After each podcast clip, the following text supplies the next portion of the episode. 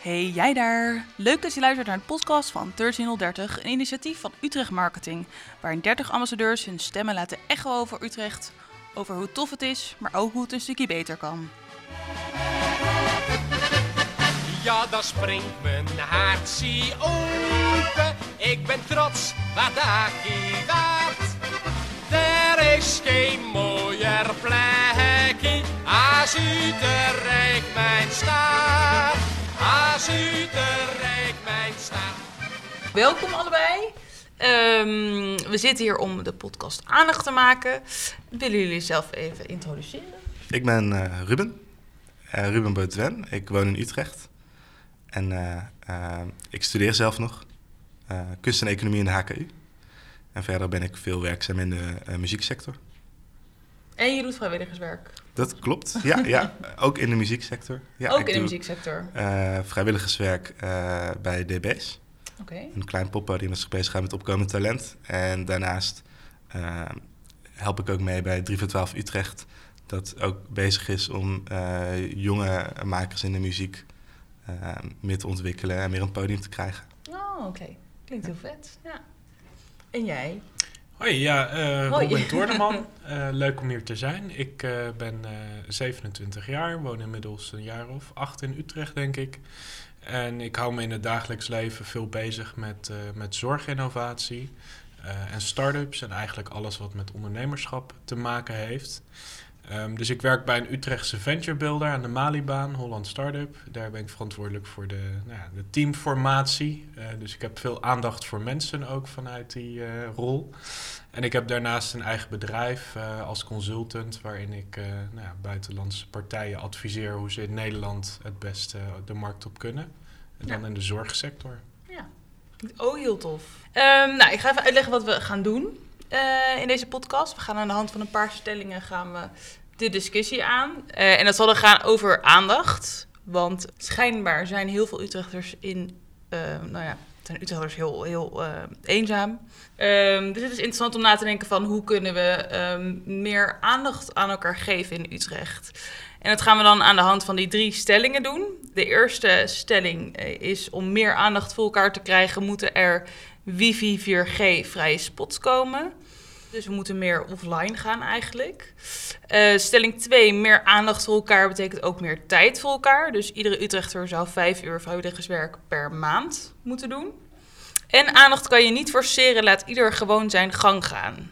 Ja, nou ja, toen ik die stelling eh, eigenlijk voor het eerst hoorde, dacht ik van ja, dat, eh, nou ja, dat slaat natuurlijk nergens op. Hè? Van, je mag zelf bepalen wat je doet met je leven, denk ik. En iedereen heeft 4G en ik, ja, je bent geconnect met je, met je smartphone, dus eigenlijk niet meer weg te denken. Maar toen ik er nog dieper over nadacht, eh, en hè, dan betrek ik het ook op mezelf als ondernemer.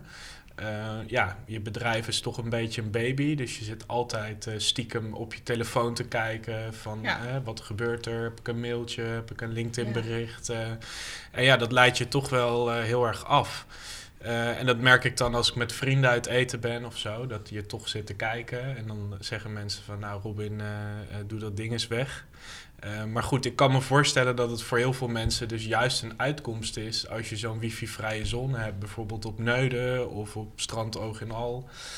waarbij je dus gewoon echt de kans hebt om niet afgeleid te worden en echt met je vrienden daar gewoon een biertje te drinken zonder die telefoon. Ja, en soms misschien ook gedwongen wordt om dat dan te doen of zo. Want normaal ja. denk je daar niet, je gaat niet zelf je telefoon offline zetten of zo. Je moet wel soms een soort van even geduwd worden of gedwongen worden of stok achter de deur hebben om dat dan ook te doen. Denk Ja, ik. ja, Want het is zo ja. makkelijk. Ja, als je ook kijkt, ehm, wanneer je in de trein zit bijvoorbeeld, eh, je moet dus voor de grap niet een keer op je telefoon zitten. Dan zie je pas eh, hoe verslingerd mensen zijn aan een eigen smartphone tegenwoordig. Ja. En eh, het is de vraag of je het inderdaad zou, eh, eh, nou ja, niet per se moeten verbieden, maar wel eh, zou moeten blokkeren, het signaal. Eh, ik denk dat het op sommige plekken heel goed zou kunnen werken. Ehm, alleen ik denk ook wel dat eh, het natuurlijk ook wel moeilijk is om, ehm, ja, bijvoorbeeld bij 4G, eh, hoe moet je dat gaan communiceren ook? Mensen be- betalen daar in principe voor. hebben die dienst zelf afgenomen. Het is niet zoals wifi iets wat wordt geleverd. Wifi kan natuurlijk gewoon heel makkelijk een router uitzetten. Ja. ja. Maar het lijkt me ook heel leuk hoe dat dan in de praktijk zou werken. Ik denk wel dat het heel goed is als we met z'n allen manieren verzinnen om minder op de, onze telefoon te zitten. En is dit dan de manier of is, is iets anders dan een betere manier? Is dit dan eh, dat je iemands eh, persoonlijke ruimte een soort van... eh, dat, je daar, dat je anderen daar een keuze in laat maken of zo? Of keuzevrijheid, beperking? Ja, ik vind het vooral ook. Ik, ik, ik zou heel erg interessant vinden hoe het is om bijvoorbeeld eh, mensen even niet te laten Facebooken of eh, eh, niet te laten WhatsAppen. Ik denk dat het wel goed is dat iemand bereikbaar kan zijn, in geval van nood. Ehm, maar Als een oud vrouwtje Ja. flauw valt of zo? Of... Precies, ja. ik zou alleen zelf wel. Eh, ja, stel je zou die verschillende sociale media, stel je zou die kunnen blokkeren, dan zou dat al een hele goede stap kunnen zijn. En dan denk ik dat we ook al meer met elkaar gewoon kunnen praten. En misschien zelfs wel vreemdelingen een keer weer gaan aanspreken. Want dat zie ik ook vrij, vrij weinig voorkomen tegenwoordig. Dat je Ja. gewoon iemand die tegenover je zit, gewoon een keer een gesprek mee begint. Ja, maar ik luister bijvoorbeeld ook heel veel muziek in de trein.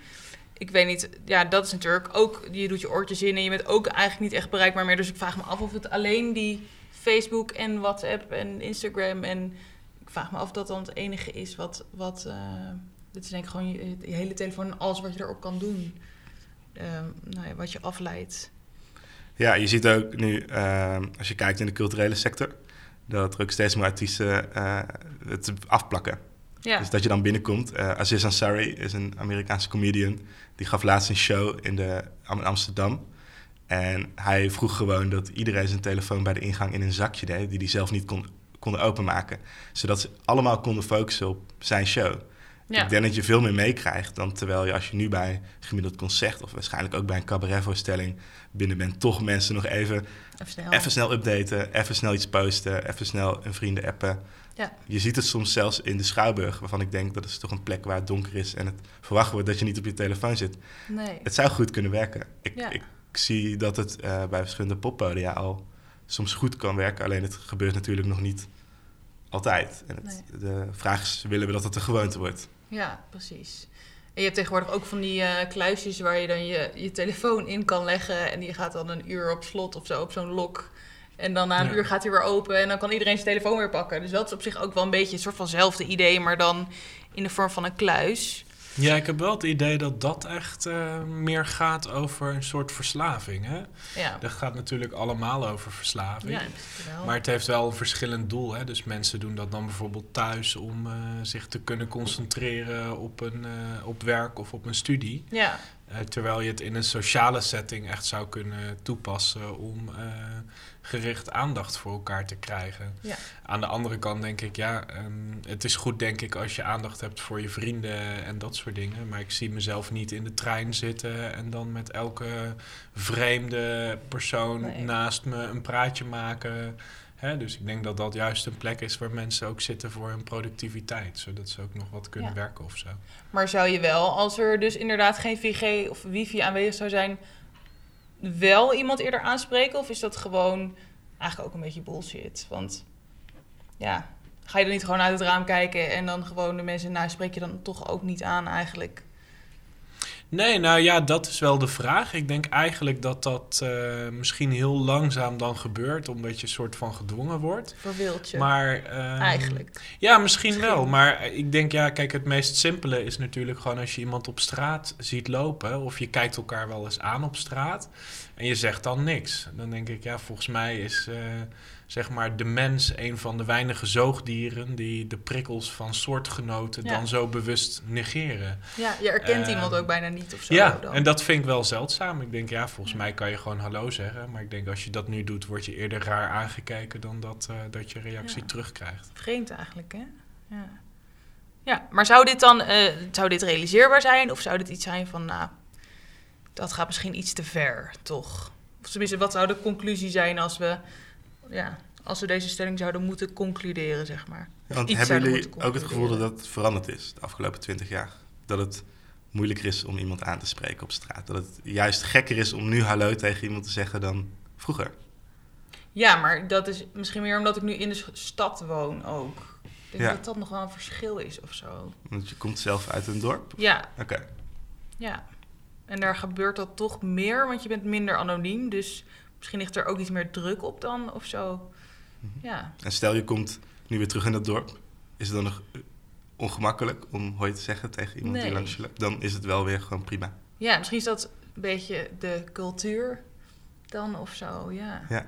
Ja. Ja, nou ik denk dat als je kijkt naar wat er de afgelopen twintig jaar, maar misschien ook wel langer gebeurd is natuurlijk, is dat je echt een verschuiving ziet waarbij eh, de community die dicht bij huis is veel minder belangrijk wordt. En dat heeft denk ik ook, eh, dat gaat dan de kerkelijke gemeenschap behoorde je bij, of je behoorde bij een beroepsgemeenschap en je had familie, je had eh, straatgenoten en dat woonde dan vaak allemaal bij elkaar.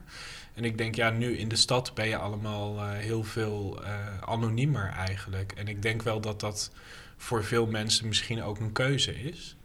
Eh, dus ik hoor vaak mensen zeggen, ja, in de grote stad ben ik zo lekker anoniem, bij wijze van. Ja, misschien hebben mensen daar dan ook helemaal geen zin in om... eh, ja, en misschien is dat wel een goede brug naar eigenlijk een eh, vierde stelling die we ook nog op ons blaadje hadden staan. Namelijk, we leven in een individuele samenleving, we mogen daar ook naar handelen. Dat is eigenlijk wat je net zei. Van, moet dat allemaal wel? Of is het niet gewoon hoe de samenleving is en we ons daar maar gewoon aan overgeven of zo? Ja, nou, ik denk dat je eh, dingen moet kunnen opzoeken als je dat graag wil. Ehm, maar dat je wel zelf de keuze moet kunnen maken of je daar behoefte aan hebt. Ehm, dus ja, Een ik, stukje vrijheid. ja, ik denk, eigenlijk. ja, ik denk niet dat de vrijheid nog heel veel minder zal worden in eh, onze maatschappij, eerder meer. Ja. Eh, en het moet natuurlijk niet ten koste gaan van ja, gewoon normaal gedrag vertonen. Hè? Ik bedoel, ja, om maar iets te noemen, ik woon in een, eh, een BIS-woning. Volgens mij hebben we dat alleen in Utrecht, maar in ieder geval een ook, bovenwoning. Eh, en ik deel dat met een onderbuurvrouw. Eh, dus ik denk, ja, ik vind het normaal dat je dan met elkaar gewoon af en toe contact hebt. Omdat je samen Ja. verantwoordelijk bent voor een huis en een dak en een fundering. ja, precies. Dus ja, ik denk dat vind ik gewoon wel momenten waarop mensen nou ja, met elkaar dat contact bijna verplicht zijn. Die, verantwo- die gezamenlijke verantwoordelijk, verantwoordelijkheid eigenlijk. Ja, of gewoon op cruciale momenten vind ik het normaal. Hè? Dat heeft volgens mij ook heel veel met fatsoen te maken. Dat je gewoon normaal met mensen communiceert. Ja. Maar als jij daar buiten ervoor kiest om eh, weinig sociale interactie op te zoeken. En liever eh, binnen in huis bent, ja, dan denk ik dat je die vrijheid moet hebben. Ja, en helemaal, ik kan me ook voorstellen mensen die iets minder sociaal zijn ehm, en die daar iets meer moeite mee hebben, ja, die, die moeten die keuze dan ook wel een soort van hebben of zo. Dat ze zich mogen, dat ze niet altijd inderdaad met iedereen maar in gesprek moeten gaan.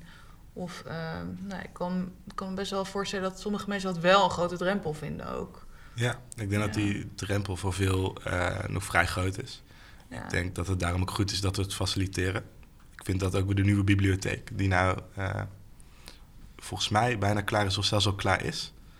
Eh, Is de- hij al klaar? Ja. ik, ik durf niet te zeggen of die al helemaal klaar is, maar het zou wel goed. Hij, hij is in ieder geval een heel eind. ja. En ik denk dat dat ook weer een mooie nieuwe mogelijkheid biedt. Ook met een theaterzaal. En eh, daar kunnen ook weer verschillende ruimtes worden gebruikt om in ieder geval samen wat te doen. Je zag laatst zag je die eh, documentaire serie van Bromet op Nederland 3, volgens mij. In ieder geval op de, de Mhm. Nederlandse omroep. En eh, die liet zien dat het nog steeds wel echt de huiskamer van de stad blijkt te zijn. En ook van de dorpen. En dat eh degene die toch eh, dat menselijk contact en het contact van hun dorps, dan wel stadsgenoten willen opzoeken, die gaan dan graag naar de bibliotheek. Ik denk dat het faciliteren al heel goed is. Ik denk inderdaad dat je moeilijk mensen kan verplichten. En wordt dat in Utrecht genoeg gedaan? Dat faciliteren van die, die plekken waar mensen inderdaad dan elkaar wel echt op kunnen zoeken? Ook mensen die elkaar niet kennen, bijvoorbeeld. Ja, ik denk dat het, het wordt al wel gedaan. Je ziet wel al veel festivals, veel gratis festivals, veel gratis evenementen. eh, veel plekken waar je gewoon naar binnen mag. Soms zelfs gratis een kopje koffie mag drinken en met elkaar in gesprek kan gaan. Ja. Je hebt buurthuizen. Ze zijn er al wel. Ik denk alleen wel dat eh, veel mensen in Utrecht het voelen dat ze er niet bij horen of het er niet naar binnen durven te stappen. Ja. Ehm, je ziet dat we vijf jaar geleden bijvoorbeeld een, een, een nieuw eh, muziekgebouw hier in Utrecht hebben gekregen, uh, Tivoli Vredenburg. Mhm. En je spreekt nog steeds wel eens mensen die zeggen: Ja, ik, ik voel me er niet thuis. Ik Nee. heb het gevoel dat ik niet hoor eh, bij het publiek waar Tivoli Vredenburg zich op mikt. Ja. En eh, terwijl juist eh, zo'n muziekgebouw, waar de hele stad eigenlijk eh, jarenlang op heeft gewacht en ermee heeft gebouwd, zou iedere burger welkom moeten heten en probeert het ook. Alleen er zijn schijnbaar toch nog eh, groepen in Utrecht die zich op bepaalde plekken, zoals bijvoorbeeld de bibliotheek, zich ook niet thuis voelen en niet eh, geaccepteerd voelen. Nee. Dan is de vraag van hoe kunnen we het faciliteren dat iedereen wel zich welkom voelt in zo'n publiek gebouw. Ja. Ja. Ja. misschien moet je dan juist hele andere dingen daarvoor doen. Hè? Want kijk, eh, jouw achtergrond is denk ik in, in kunst en cultuur onder meer.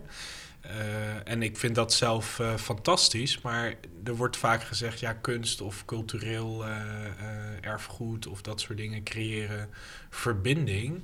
Maar ik denk dat ze ook echt wel afstand kunnen creëren, omdat ik wel kunst steeds meer zie als een luxe artikel, wat ja, misschien dan bereikbaar is voor mensen die daar ook het inkomen voor hebben. Dus ik kan me voorstellen als jij eh, financieel in een slechte positie zit of je zit in de schuldsanering, ja, dat het echt gaat om de eindjes aan elkaar knopen en dat kunst en cultuur voor jou zo ver weg lijken en zoiets voor eigenlijk de elite, dat dat voor mij niet de manier is om, eh, om verbinding te creëren. En datzelfde gevoel heb ik dus bij bibliotheken van ja, dat is voor mij een symbool van, van nou ja, wetenschap, geletterdheid. Dus ik denk als je kijkt naar hoeveel mensen in Nederland eh, en ook in Utrecht, eh, zeg maar, laag geletterd zijn, ja, dan vind ik het niet verrassend dat die daar niet eh, de verbinding op komen zoeken, zeg maar. Dus Ja. hoe gaan we dat dan veranderen voor die groep? En denk je dat dat wanneer het wel betaalbaar of zelfs gratis zou zijn, dat ze zich dan wel welkom zouden voelen? Zoals je nu bijvoorbeeld de cultuurpas in Utrecht hebt, die je krijgt als je bij de voedselbank komt. Dan krijg je ook een cultuurpas, kun je naar gratis voorstellingen in Utrecht. Ja, dat weet ik dus niet. Ik denk van. ehm, het, is, het gaat misschien niet alleen over het, het aspect van gratis of betaald. Natuurlijk is dat een drempel, maar misschien gaat het ook wel om het idee wat men erbij heeft. Dus als jij aangeeft van nou bij een Tivoli Vredenburg kun je gratis binnenlopen. Er zijn ook gratis lunchconcerten bijvoorbeeld.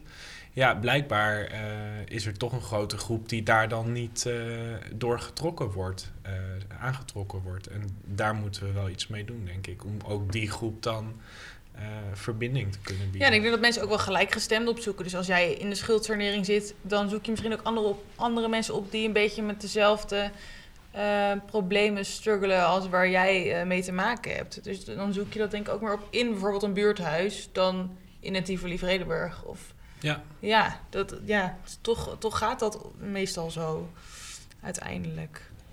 Ehm, en vooral, nou ja, we zijn dus iets individualistischer aan het worden. Tenminste, misschien is niet iedereen het daarmee eens, maar ehm, laten we het zo even stellen. En heeft social media daar ook dan heel veel mee te maken? Dat offline, online, ehm, worden we daardoor eenzamer? Ik denk dat dat heel erg persoonlijk is. Denk dat sommigen eh, zich juist minder eenzaam voelen sinds de komst van social media, omdat ze makkelijker in contact komen. Omdat het misschien een minder grote drempel is om even een berichtje te sturen dan eh, naar diegene toe te fietsen of diegene op te bellen. Alleen ik denk dat het voor velen ook eh, zo'n overlading is aan informatie en ineens met zoveel vrienden in contact kunnen zijn dat je eigenlijk verdrinkt in alle sociale uitingen van iedereen. En dat je daar misschien eenzaam door kan voelen. Dat, dat is natuurlijk een hele persoonlijke situatie. En ik vraag me af of eh, echt veel mensen zich echt eenzamer voelen. Ehm, ik moet persoonlijk zeggen dat ik dankzij sociale media mijn vrienden meer zie dan vroeger. Ehm, ik denk dat ik zonder sociale media toch moeilijker eh, vriendengroepen bij elkaar zou kunnen krijgen. Of kennissen eh, vaker zou kunnen zien. En heb je het dan over Facebook en WhatsApp? Of heb je het dan over nog meer soorten... Ja, ik denk dat we, eh, nou ja, wat ik zie, wat eh, bij mij wordt er vooral gebruik gemaakt van WhatsApp, Instagram, Facebook. En eh, juist omdat we constant wel up-to-date zijn met elkaar, weten we ook wat er met, met iedereen aan de hand is. En voelt het voor mij persoonlijk wel een minder grote drempel om iemand ook te vragen om iets te gaan doen. Ik denk alleen dat juist voor sommigen het, gevoel geeft dat wanneer je iemand laat zien dat hij bijvoorbeeld heel druk heeft en heel veel post, misschien juist weer een drempel kan creëren. En dat het ook heel erg interessant is hoe iemand daarmee omgaat. Ja, ja. En is iemand nog wel, eh, zeg maar, al die perfecte beelden op Instagram, is iemand dan nog wel mens en een soort van bereikbaar voor anderen, zeg maar. Dat is natuurlijk wel interessant. Mhm. Ja, ik denk dat aan het eind van de rit, eh, hè, jij, jij omschrijft eigenlijk van ja, misschien dat sociale media wel op een manier eh, kunnen triggeren dat je eh, met echte mensen in contact komt. Ja. Dus je ziet wat je vrienden doen, of je ziet dat je toevallig in dezelfde stad op vakantie bent. En dat geeft je dan de mogelijkheid om in real life te connecten. Maar ja, ehm, ik denk toch dat het grootste effect is dat er heel veel mensen zijn die steeds meer verschuiven naar de online wereld. En ik denk niet dat online contact ooit een echte vervanger kan zijn voor echt menselijk contact, eh, eh, ja, face-to-face. Ja. Dus volgens mij zijn er heel veel mensen die zogenaamd heel erg verbonden zijn en heel veel contact hebben. Maar is dat Maar dan toch net? elke avond. Nou Toch? ja, dat denk zo? ik wel. Kijk, als je toch uiteindelijk elke avond in je eentje op de bank zit met je smartphone, ja, voor mij is dat eh, wel een teken dat iemand eenzaam zou kunnen zijn. Ja. En dat ligt dan aan je eigen behoefte van, hè, kijk, ik, eenzaamheid heeft niet één eh, universele definitie. Maar hè, als ik zou kijken dat ik alleen nog maar online contact had en verder elke avond gewoon in mijn eentje alles moest doen, hè, alleen koken, alleen eten, alleen op de bank. Ja. Ja, ik zou me dan eenzaam voelen, ook al heb ik eh 2000 eh, Instagram eh, followers. ja. Denk je ook dat bijvoorbeeld verschillende sociale media, je hebt net tegenwoordig apps en Facebookgroepen die elkaar uitnodigen om samen te eten, zou dat kunnen helpen of zou je dat juist liever niet zien via sociale media? Ja, dat vind ik een moeilijke vraag. Ik denk dat het voor, eh, voor een grote groep eh, misschien wel kan bijdragen. Hè? Dus Mhm. mensen die eh, technisch genoeg zijn om dat te doen. Ja. Maar daarmee valt natuurlijk ook een hele grote groep buiten de boot. En ja, daar kan je dan van vinden. hè. Dan kan je zeggen, we hebben in ieder geval een deel van het probleem opgelost. Maar door delen van problemen op te lossen, vergroot je misschien ook juist alweer de verschillen tussen mensen. Ja, doordat je het juist in de technische wereld gooit, dat je dan de digibeten zou kunnen uitsluiten. Ja. Ja, en dat zie je bijvoorbeeld ook. Hè. Ik kom uit de zorg en daar zie je juist dat ehm, hè, ook het, het individualisme en het verantwoordelijkheid dragen voor je eigen leven, het organiseren van je eigen leven en het managen van je eigen gezondheid, dat dat eigenlijk verschillen tussen mensen vergroot. Want de ene persoon heeft nou eenmaal meer wat wij noemen gezondheidsvaardigheden dan de ander. En daarmee creëer je dus eigenlijk grotere verschillen tussen mensen uiteindelijk. En dat creëer je, door wat creëer je dat dan precies? Nou ja, kijk, op het moment dat jij mensen eh, hè, die al bewust bezig zijn met hun gezondheid en daar goed mee om kunnen gaan en gebekt genoeg zijn om voor zichzelf op te Ja, komen. precies. Als je die zeg maar allerlei gadgets en wearables en technologie geeft om nog gezonder te worden Ja. en mensen die daar niet mee om kunnen gaan blijven gelijk, Dan wordt dat gat dan wordt het verschil dus groter. Ja, precies. Ja. Dus dat zou inderdaad mensen dan wel meer uit elkaar trekken. En ook vereenzamen? Dat mensen meer vereenzamen? Of is dat dan niet, dat is dan niet zo? Nou ja, ik weet niet wat, wat hè, dat is een beetje kip of ei verhaal. Ja. Eenzaamheid en gezondheid hebben denk ik wel een duidelijke link met elkaar. Ja, dat denk ik ook. Hè? En, eh, en demografische factoren hebben daar ook invloed op. Van, hè, heb je werk? Heb je een sociaal vangnet? Ja. Dus of die relatie er zo te trekken is, weet ik niet. Maar goed, ik kan me voorstellen als jij niet gezond bent en daardoor belemmerd wordt in van alles, dat je daarmee ook eenzamer wordt. Ja, ja precies. En je hebt nu ook tegenwoordig de app ehm Nibbler heet het. Dan kan je, gaat iemand koken en dan heeft hij eten, kookt hij voor vier man, maar hij is in zijn eentje. En dat zet hij dan op Nibbler en dan kunnen mensen daarbij, ehm, nou die kunnen zich zeg maar daar een soort van op inschrijven. En die kunnen dan mee eten met iemand die eten over heeft. Wat dan ook nog vrij goedkoop is. Ehm, zouden jullie dat snel doen bijvoorbeeld? Of is dat ook nog wel een hele hoge drempel om zomaar bij vreemden over de vloer te komen en eh, nou ja, aan tafel te schuiven, zeg maar. Ja, ja, het lijkt mij... Ik vind het een heel tof concept. Ik vind het heel goed dat dit er is.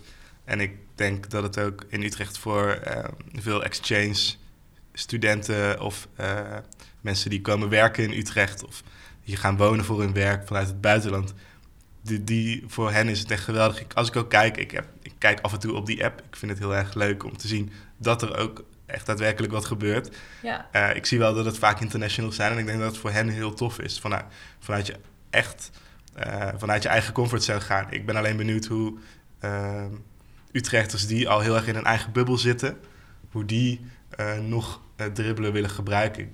Het is ook de vraag van voor, op wie wil je het gaan richten. Ja. En ik merk dat het nu heel goed werkt voor mensen die nog niet heel erg hun eigen hoek hebben gevonden en nog niet hun, eigen eh, eh, vriendengroep hebben vergaard. Dat die daar heel goed gebruik van kunnen maken. Het zou alleen heel interessant zijn als je mensen eh, ja, niet per se kunt dwingen, maar wel kunt uitnodigen om die wel al heel erg in hun eigen bubbel zitten of in een, heel erg in hun eigen wijk leven, om eens een keer in een andere wijk eens te gaan eten bij mensen. Ja. Ik ben benieuwd hoe, of, of dribbelen daar eh, iets in kan betekenen. En heb je daar ideeën over hoe dat dan misschien zou kunnen? Ja, nou, dat vind ik wel een moeilijke vraag. Eh, Want in principe Ja. is zeg maar eten is eigenlijk iedereen doet het. ja. en het is super laagdrempelig, dus iedereen kan daar in principe ook aan meedoen eigenlijk. Mhm. Dus je zou verwachten dat dan dat een hele grote doelgroep daar dan wel aan mee zou doen of zo. Terwijl het volgens mij nog best wel eh, een kleine, kleine groep is die dit soort dingen doet. En de internationals dan vooral inderdaad. Ja. Die dan nog geen groep hebben gevonden. Ja, ik denk dat dat is gewoon een logisch gevolg van eh, hè, wat het is. Ja, Kijk, ik denk, het is altijd zo als jij in je eentje ergens bent, dat je opeens zelf de drijfveer hebt om ook verbinding op te zoeken. En als je dus in je eentje gaat backpacken, ja, eh, dan ja, ga je dus eh, gebruik maken van, eh, van couchsurfing. En je gaat met random vreemde mensen zeg maar ontmoeten. Ja, en dat, ja, dat is natuurlijk hartstikke leuk op zo'n moment. Maar als je vervolgens thuis in Nederland bent en je zit inderdaad, wat je zegt, in je eigen bubbel, je hebt je eigen eh, baan, vrienden, familie, ja. ja, dan is dat misschien minder belangrijk. ja, dus hebben we daar gewoon geen zin in dan eigenlijk. Om gewoon daar meer energie in te steken. Nee, ja, dat is wel misschien de trieste werkelijkheid Ja. als je die zo, eh, Ja. zo schetst. Nou, dan ben ik wel benieuwd naar jullie mening over de volgende stelling. En dat is meer aandacht voor elkaar. Betekent ook meer tijd voor elkaar. Iedere Utrechter zou vijf uur vrijwilligerswerk per maand moeten doen. Hebben jullie daar zin in? Zouden jullie dat doen? Zou je het daarmee eens zijn? Ja, eh, ja, ik doe het al. Eh, ja. En ik vind het zelf superleuk. Ik vind het zelf superleuk om vrijwilligerswerk te doen. Eh, vooral ook als ik bijvoorbeeld bij DB's vrijwilligerswerk doe, dat je ook echt een compleet andere mensen weer tegenkomt dan vanuit je eigen vriendengroep. Eh, ik, ik ontmoet daar ook heel veel leuke mensen. Ik vind het heel mooi. Ik, het is inderdaad een interessante stelling, zou het moeten verplichten. Ja. Ehm, Dat is, ja, inderdaad. Ja. En ik, eh, ik denk dat het wel heel toegankelijk moet zijn om te vrijwilligen. En dat het ook eh, zo leuk gemaakt, mogelijk moet worden gemaakt. En mensen moet laten zien van hoe, hoe tof het is om te vrijwilligen. En ook niet per se alleen bij een leuke organisatie, maar ook bij een, een, een, een belangrijke maatschappelijke organisatie. Zoals organisaties die zich be- bezighouden met vluchtelingen. Ja. Ehm, ik eh, hoorde eh, laatst van een vriendin dat ze voorleest aan eh, kinderen die zijn gevlucht. Ja, dat vind ik natuurlijk heel tof, want dan betrek je die gewoon weer meer ook bij ja, de plekken waar ze op dit moment wonen. En leren ze ook gewoon een, een- weer een beetje bij en hebben ze ook interactie. En ze vinden het natuurlijk vaak ook leuk. Het is niet alleen maar om te leren, het is ook om, de, om, Nee, het, om het om er voor die kinderen een leuke tijd van te maken. En ik denk dat dat heel mooi is. Ehm, ik weet alleen niet of het mogelijk is om dit te verplichten. Dat vraag ik me af. Nou In ja, de ideale wereld wel. kan je ook Ja. verplichten. Je zegt hè, vrijwilligerswerk, het is allemaal mooi, het is prachtig, vrienden. Ja, Het klinkt als eh, de zevende hemel, dus waarom stel je dat dan niet verplicht eh, voor hè, om mensen dat setje te geven? ja. Moeten we leuke dingen verplichten? Nou Ja, maar wat is leuk, hè? Dat is natuurlijk Ja. wel lastig. Ja. De een vindt iets wel leuk en de ander niet. En Precies. wie kunnen er allemaal aan meedoen, is, vind ik dan ook nog wel een interessante vraag. Van de doelgroep die jij noemt, die iets minder bedeeld is, heeft die daar dan ook nog zin in naast hun hele eigen leven waarin al heel veel speelt? Ja, Ja. nou ja, kijk, eh, ik bedoel, eh, wat is vijf uur per week? Ik denk dat mensen al snel zeggen dat ze te druk zijn. Vijf uur per week is wel eh, veel. per maand is het misschien. Oh, oké, ja, per maand. Nou ja, wat ik eigenlijk eh, hè, denk, volgens mij vijf uur per week zou ook nog wel moeten lukken als je een beetje Ja, eh, je best doet. Maar waarvan Ja. ik, kijk, ik denk zeker dat we het eh, verplicht moeten maken. Misschien niet die vijf uur per maand. Maar ik zou wel zeggen van, hè, op een bepaalde leeftijd is het misschien logischer dat je zulke dingen doet. En dan heb ik het over wanneer je wat jonger bent. Eh, en ik denk dat er al heel veel politieke partijen eerder gesproken hebben over een soort sociale dienstplicht. En ik heb wel het idee, ehm, als ik berichten hoor in de media van hè, onderzoek gedaan, Nederland wordt steeds asocialer. Eh, volgens mij groeien we alleen maar verder uit elkaar. Eh, de zorgkosten blijven maar stijgen. Dan denk ik, ja, volgens mij eh, drijven die factoren wel dat je uiteindelijk gewoon moet zeggen: jongens, iedereen gaat een half jaar of een jaar eh 30 uur per week eh, vrijwilligerswerk doen. Hè? En dan heb je ook eh, daarnaast meteen wat tijd om eh, wat verder te rijpen. En dan heb je ook wat inzicht in hoe de wereld in elkaar zit. Ja. Dus het is eigenlijk alleen maar positief dat mensen daardoor een soort van kunnen groeien, maar ook iets kunnen teruggeven aan de, aan de maatschappij, andere mensen. eh, Ja, nou ja, ja, de- ja, niet per se. eh, kijk, teruggeven vind ik altijd weer zo'n eh, zo'n zalvend woord. Hè? Ja? Ik bedoel van, ja, ik heb, ik heb zoveel kansen gekregen. Nou, ik heb ook gewoon hard gewerkt. Ja. Dus ja, moet ik dan iets teruggeven voor mijn eigen prestaties? Eh, dat weet ik niet. Ik denk dat je intrinsiek misschien gemotiveerd bent om dat te doen. Maar aan de andere kant denk ik wel dat je vanuit een maatschappelijk perspectief gewoon kunt zeggen van joh, wij vinden het belangrijk voor de maatschappij en voor het begrijpen van elkaar ja. dat je zoiets doet. Ja. En dan denk ik, en dat geldt voor, voor alle kanten op. Hè? Dus ik kom regelmatig, eh, hè, ik heb aan eh, drie universiteiten gestudeerd. Ik kom regelmatig hoogopgeleide of theoretisch geschoolde mensen tegen die in de bu- bubbel leven dat er in Nederland geen armoede bestaat. En dan denk ik, ja, dan heb je gewoon het niet helemaal begrepen, denk ik. Ja, of die twee denken derde dat van de iedereen, mensen. hè? Ja. En dan denk ik, ja, misschien dat je op die manier juist meer begrip creëert voor elkaar als je zoiets doet. Dus ik zie er eigenlijk alleen maar eh, voordelen van om het gewoon verplicht te stellen. Oké, Ik ben alleen wel benieuwd of die intrinsieke motivatie er niet zou zijn wanneer je het verplicht stelt. precies. Hoe het werk wordt uitgevoerd. Ehm, Is de het nog gevaren die ik, die, ook? die Dat ik zie inderdaad, is dat als je het zou verplichten en iedereen het zou moeten doen, is dat het misschien eh, in tegenzin wordt gedaan en dat mensen het eigenlijk helemaal niet leuk vinden en daardoor maar slecht gaan doen. En of het dan meer zou opleveren dan dat het wel vrijwilligerswerk blijft. Eh, ik, ben, ja, ik vraag me af of eh, die intrinsieke motivatie niet ook gewoon heel belangrijk is om het werk gewoon goed te kunnen uitvoeren. Ja, Ja, ik weet niet. Kijk, ik bedoel, eh, in eh, Israël eh, heeft iedereen twee of drie jaar militaire dienstplicht. Volgens mij is het een van de sterkste militaire krachten in de wereld. Dus ja, ik denk zeker niet dat iedereen per se staat te popelen om dat te gaan doen. Maar ik denk met de juiste mindset dat je er zeker wel naartoe kan, ook als het verplicht is. ja.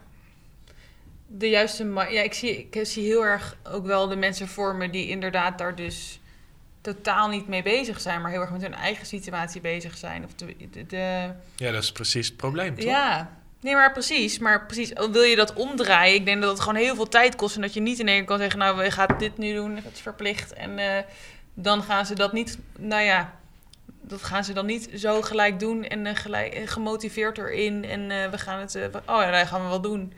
Ja, dat heel maar dat is ook een beetje het poldermodel natuurlijk. Van Ja. In Nederland kunnen we eigenlijk helemaal geen besluiten vanaf de een op de andere dag nemen.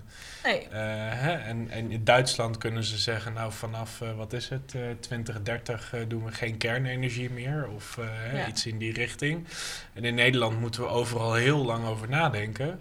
Terwijl ik denk, ja, als je gewoon vanaf zegt, vanaf, begint, ja. ja. dan gaan mensen daar vanzelf al zich naar gedragen. ja. Dus het is gewoon een kwestie van tijd.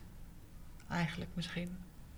Ja, nou ja, ik vraag het me af. Ik, ik, ik, het lijkt me een heel leuk experiment. Ik zou het graag uitgevoerd zien worden. Ehm, je ziet nu dat er in Nederland, maar ook in andere landen, experimenten zijn met het basisinkomen. Waarbij dus eh, een vast bedrag per maand wordt gegeven. En eh, daarbuiten eh, men in principe mag doen wat hij wil met de sociale zekerheid die hij heeft. Ehm, je ziet dat sommigen dan vrijwilligerswerk gaan doen en dat is heel tof. Ik ben benieuwd of je, dat, eh, of je dan een vrijwilligerswerk zou moeten verplichten en of het dan zou werken. Eh, omdat je ziet ook wel in bepaalde experimenten dat het ook toch wel zelfs ook... eh, je hebt bijvoorbeeld, de, de, bij het, als je bij het UWV terechtkomt als je werkloos bent... dan heb je een bepaalde plicht om nog in de samenleving deel te nemen. Je ziet dat sommige mensen daar toch ehm, ja, daar niet zo goed mee omgaan... en daar de kantjes een beetje van aflopen. Ik ben benieuwd of je dat voor iedereen zou verplichten... dat de cultuur dan ineens zou omslaan binnen 20 jaar... en dat het ineens dan wel zou werken. Het zou een interessant experiment zijn. Ik zou- vraag me af of dat meteen nationaal niveau zou moeten worden ingevoerd. Misschien moeten we het gewoon gaan proberen dan. Ja, nou ja, dat kijk, eh, ja, dat is altijd denk ik een heel veel gehoord argument om zoiets niet verplicht te stellen. Van, oh ja, maar dan, eh, ja, dan heb je er allemaal mensen die het eigenlijk niet kunnen. Ja, dat werkt natuurlijk hetzelfde bij eh, het doen van een echte betaalde baan. Van je moet iets doen wat bij je past. Eh, en dan denk ik, ja, stel eh, je bent een briljante timmerman. Ehm, dan heb je misschien minder affiniteit met het verzorgen of koffie drinken met ouderen. Maar misschien kun je juist wel in ouderenzorginstellingen of in gehandicaptenzorginstellingen eh, iets met die skill doen. En ik geloof echt wel dat iedereen een skill heeft Ja. die op een manier vrijwillig ingezet kan worden om maatschappelijke bijdrage te leveren. Nee, en dan gaat het natuurlijk ook heel erg over de manier waarop je dat dan doet. En hebben mensen ook een bepaalde keuze van wat ze dan zouden mogen gaan doen. Dat is natuurlijk dan wel een soort van voorwaarde om nou ja, iedereen, iedereen mee te krijgen daarin. Ik denk dat dat gewoon wel heel belangrijk is. Anders is, dan is er meer intrinsieke motivatie dan dat je dat inderdaad Ja. oplegt en zegt, nou jij gaat nu daar eh, een beetje lopen hout zagen. ja, of mensen dat dan willen doen is de vraag. Ja. Nou, hebben jullie hier nog iets meer over te zeggen? Of, ehm, nou ja, nog een hele mooie toevoeging? Of niet, dat kan natuurlijk ook. Over eh, de dienstplicht? Bijvoorbeeld. ja. Of Nee. over gewoon het onderwerp aandacht. Nee, nou ja, ik, ehm, ik vraag me met name af eh, ja, wat uiteindelijk als je de aandacht voor elkaar verliest en steeds minder ehm, aandacht, zeg maar, je steeds minder verbonden voelt in een bepaalde community, denk ik dat dat voor ons ook psychisch eh, heel veel eh, gevolgen heeft. De manier waarop we dat nu inrichten. En ik denk dat je dat ook wel terugziet als je kijkt naar eh, trends in de eh, mentale gezondheidszorg. Dat heel veel mensen echt worstelen met hun identiteit. En dat het vroeger gewoon makkelijker was, omdat ja, weet je, je was eh, onderdeel van allerlei communities waar je nu zelf eigenlijk veel meer een keuze moet maken van wie ben ik en met wie wil ik me verbinden en voor wie wil ik aandacht hebben. En Ja. vroeger was dat allemaal minder. En als jij dan, als jouw familie een bakkersbedrijf had, ja, dan was er misschien 80% kans dat jij ook bakker ook, werd. Ja, ja. En nu moet je eigenlijk alles zelf bedenken. Dus ik denk dat dat ook eh, wel invloed heeft op, op nou ja, allerlei psychische processen. ja. Ik denk dat om het einddoel meer aandacht te geven aan elkaar, om te bereiken wat ik een prachtig einddoel vind, is eh, om in ieder geval te beginnen met elkaar te gaan erkennen. Als ik van Robin al hoor dat hij hoogopgeleide vrienden heeft die niet weten dat er armoede in Nederland is, dan zou ik het dan een hele mooie stap vinden eh, dat we elkaar in ieder geval gaan zien. In ieder geval weten dat we allemaal bestaan. En dat we mensen hebben van verschillende culturen, ook in deze stad. En eh, met verschillende inkomens, in verschillende wijken. Als we dat in ieder geval gaan zien en dat we daar in ieder geval bewust van zijn, dan denk ik dat aandacht aan elkaar geven, dat dat een mooie volgende stap zou kunnen zijn in de toekomst. Ja, en misschien gewoon op straat elkaar gewoon eh, aanspreken en, en hallo zeggen. Dat is misschien ook al een klein beginnetje. Wat jij ook al noemde eerder. Ja. Nou, bedankt voor het deelnemen aan deze podcast. En eh, volgens mij zijn er hele mooie dingen langsgekomen. Dus dank daarvoor. Ja, graag gedaan. Bedankt voor de uitnodiging eh, ook. Ja, graag gedaan. Bedankt ja dan springt mijn hartje open. Ik ben trots wat Aki waard. Er is geen mooier plekje als Utrecht mijn staat. Als Utrecht.